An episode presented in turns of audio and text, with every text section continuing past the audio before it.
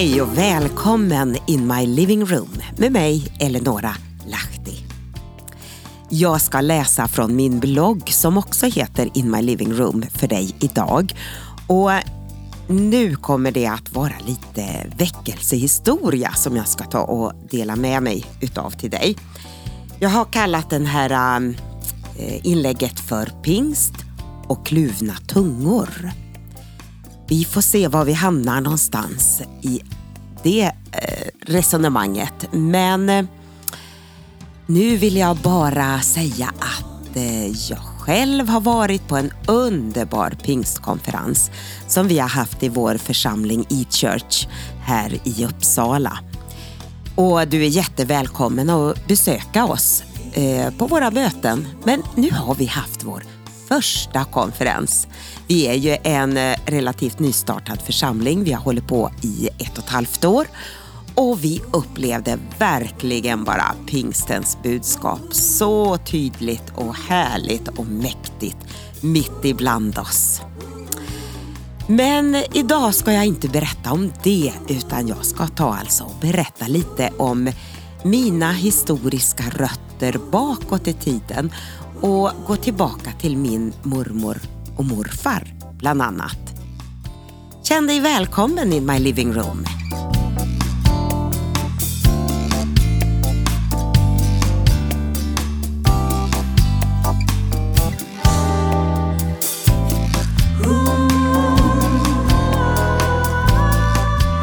Idag har jag tänkt att berätta för dig någonting väldigt intressant och härligt som hände för länge sedan. Gud verkar ibland oss generation efter generation och jag ser med förväntan på vad som kommer att hända i våra dagar. Själv har jag haft förmånen att leva i väckelsetider på platser där jag bott. Min hemstad Örnsköldsvik hade en stark väckelse i början på 70-talet. Jag var 12-13 år och jag såg människor strömma fram till första bänken för att böja knä och bli frälsta. Det döptes cirka 500 personer på bara något år. Och sedan blev det Umeå och det hade ett nationellt genomslag med Hela kyrkan sjunger med miljontals tv-tittare. Och där var jag med och sjöng. Det var en tid då vi fick se ett genombrott i landet och människor började våga tala om andliga ting. Ja, sen flyttade jag till Jönköping. I början på 80-talet hade man en fantastisk ungdomsväckelse med stark bön. Bönekvällar blev bönenätter bland oss ungdomar. Och sen flyttade jag till Uppsala, Livets Ord. Och här behövs väl kanske inte någon närmare presentation. Alla vet. Och Israel, där har jag också bott. Det judiska folket börjar hitta sin Messias. Tänk att jag har fått vara med i allt det här som har hänt på olika platser och länder. Och jag känner mig rik och jag vet att jag bär med mig ett arv som inte så många har. Och det, det förpliktigar. Och jag läser i min bibel, för där har vi ju början och grunderna till hur det var och hur det är tänkt att bli. Det finns en och flera utvecklingar av allt i tiden. Men frågan är åt vilket håll går den och dem? Min mormor och morfar de var något av pionjärerna på 20-talet bland pingstvännerna i Örnsköldsvik. Och den byn hette Gärdal. De öppnade upp sitt hem för bönemöten. Evangelister och predikanter fick också husrum där och min mamma berättade att maten räckte nästan inte till. Men de var med om olika matunder. Så Gud försedde familjen. Och min mormor och morfar hette Johan och Sara Östman. Ja, så är jag hos min syster i Övik för några år sedan och där hittade jag bygdens väckelsehistoria i några små häften. Jag kunde bara inte låta bli att läsa långt in på natten. Det var så spännande och så intressant. Jag kände igen några namn. Gyllrot, Eklund, Dahlqvist och Herlog Gideonsson. Herlog var pastor i vår kyrka när jag var en fem tio år. Han var en gammal man och jag tyckte nog det var lite långtråkigt med hans bibelstudier. Det blev många Tulo och Läkerol, för det var det som fanns i mammas väska. Så började jag läsa om hans väckelseminnen från 1925 då han var en ung man. Han skriver om en underbar bönens ande som hela tiden var utgjuten och det syntes vara allas största nöje att få prisa Gud, som han skrev. Nöje. Och så fortsätter han att skriva. I dagboken för den 6 mars har jag skrivit. Jag längtar att Jesus ska få döpa de nyfrälsta i den helige Ande. Ganska många vore redan frälsta, men så långt jag minns ingen döpt i den helige Ande. Som svar på bön begynte Jesus dock ganska snart att sätta sitt insegel på dem. Den lilla salen i Betania i Sund har fått tjäna som övre sal för ganska många syskon. Där har vi fått uppleva himlen i miniatyr många gånger. Ett bönemöte som vi hade hos syskonen Sundbergs den 29 mars glömmer jag aldrig. Vi hade samlats där för att vara i stillhet, ty ofta voro nyfikna människor utanför fönstren då vi voro i lokalen. Vi hunno knappt böja våra knän för en Guds kraft på ett mäktigt sätt föll över oss. En hel del av syskonen skakade under Guds kraft. Ja, till och med själva huset. Jag minns att vi måste plocka ner en del saker från väggarna, annars hade det fallit i golvet. Själv sjönk jag ihop vid en stol, överväldigad av Guds kraft. Jag tror att jag fick känna något av vad Daniel fick uppleva vid floden Hidekel och Johannes på ön Patmos.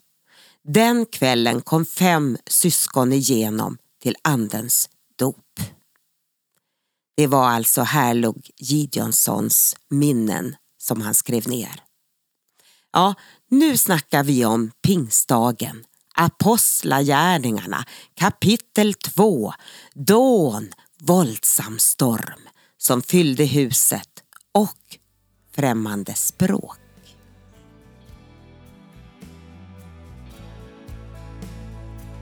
Och de gick ut och predikade överallt och Herren verkade tillsammans med dem och bekräftade ordet genom det tecken som åtföljde det. Och så en av mina älsklingsversar. När ledarna såg hur modiga Petrus och Johannes var och att de tydligen var vanliga enkla människor utan högre utbildning blev de mycket förvånade. Det enda ledarna visste om dem var att de hade varit tillsammans med Jesus.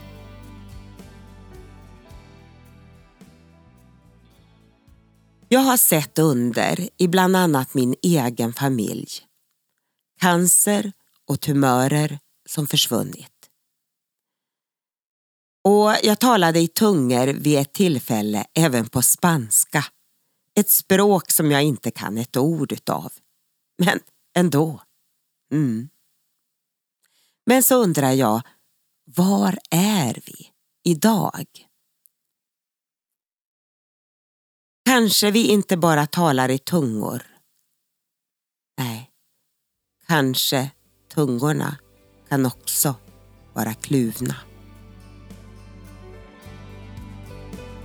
En ond människa, en illasinnad man, talar med kluven tunga.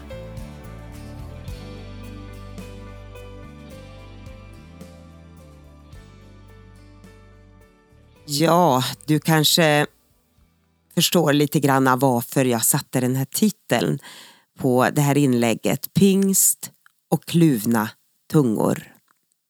Vi kan tala med våra tungor på olika sätt. Tala i den heliga andes eh, kraft och inspiration. Och vi kan använda vår tunga på felaktigt sätt också. En ond människa, en illasinnad, talar med kluven tunga. Jag tror att eh, det är inte svårt egentligen att veta vad vi innerst inne vill. Vi vill tala det som är sant, äkta, rent, uppbyggande. Men vi får vara på vår vakt. Guds ord säger, sätt en vakt, sätt en vakt vid min tunga så att jag inte säger vad som helst. Och sen vill Guds ande komma över oss. Den heliga andes kraft. Uppfylla oss så att vi kan bli de vittnen för den här tiden som Gud kallar oss att vara. För det är tid nu. Det är tid nu att resa sig upp, att göra det Gud har sagt och inte hålla tillbaka. Så Gud välsigne dig. Vi hörs om en vecka igen. Hej då.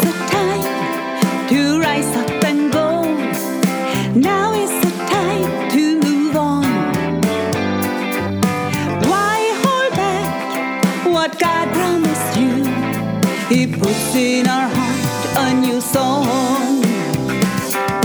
Now is the time to rise up and go.